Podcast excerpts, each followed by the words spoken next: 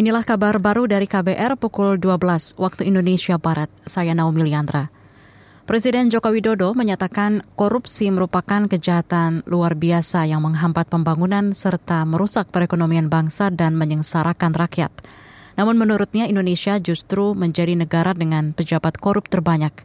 Itu disampaikan Jokowi dalam sambutan pada peringatan Hari Anti Korupsi Sedunia di Jakarta hari ini. Kita tahu di negara kita periode 2024 sampai 2022 sudah banyak sekali dan menurut saya terlalu banyak pejabat-pejabat kita yang sudah ditangkap dan dipenjarakan. Tidak ada negara lain yang menangkap dan memenjarakan pejabatnya sebanyak di negara kita Indonesia. Jadi jangan ditepuk tangani. Jokowi mencatat sejak 2004 sampai 2022 ada 344 pimpinan dan anggota DPR dan DPRD, termasuk ketua DPR dan juga ketua DPRD yang dipidana karena terbukti korupsi. Selain itu Jokowi menyebut ada puluhan menteri, kepala daerah hingga hakim yang terjerat rasuah di tanah air. Menurut Jokowi perlu evaluasi total penegakan anti korupsi lantaran tak ada efek jerah. Masih terkait informasi hukum, Ketua Komisi Pemberantasan Korupsi KPK, Nawawi Pomolango, menyayangkan upaya pemberantasan rasuah dalam satu dekade dinilai masih kurang efektif.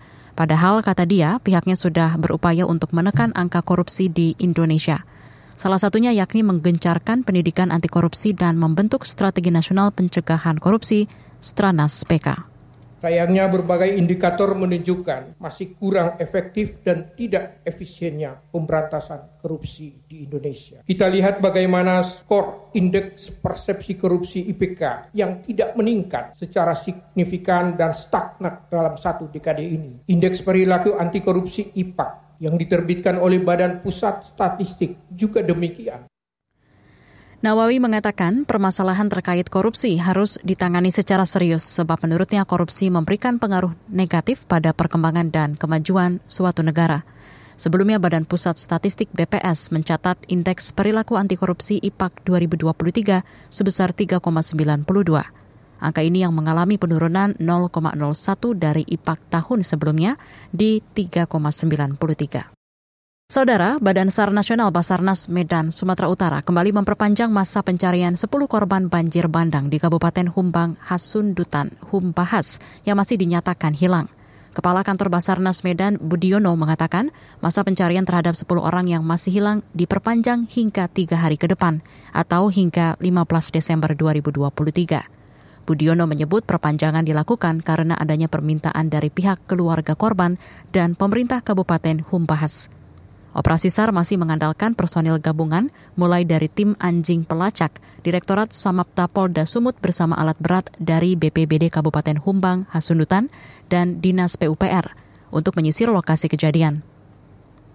Sebelumnya banjir bandang dan longsor terjadi di desa Simangulampe, Kecamatan Baktiraja, Kabupaten Humbang, Hasundutan, Humbahas, Sumatera Utara pada Jumat 1 Desember lalu. Dari 12 korban yang hilang, baru dua orang yang ditemukan dalam kondisi meninggal. Saudara, demikian kabar baru dari KBR pukul 12 waktu Indonesia Barat. Saya Naomi Liandra.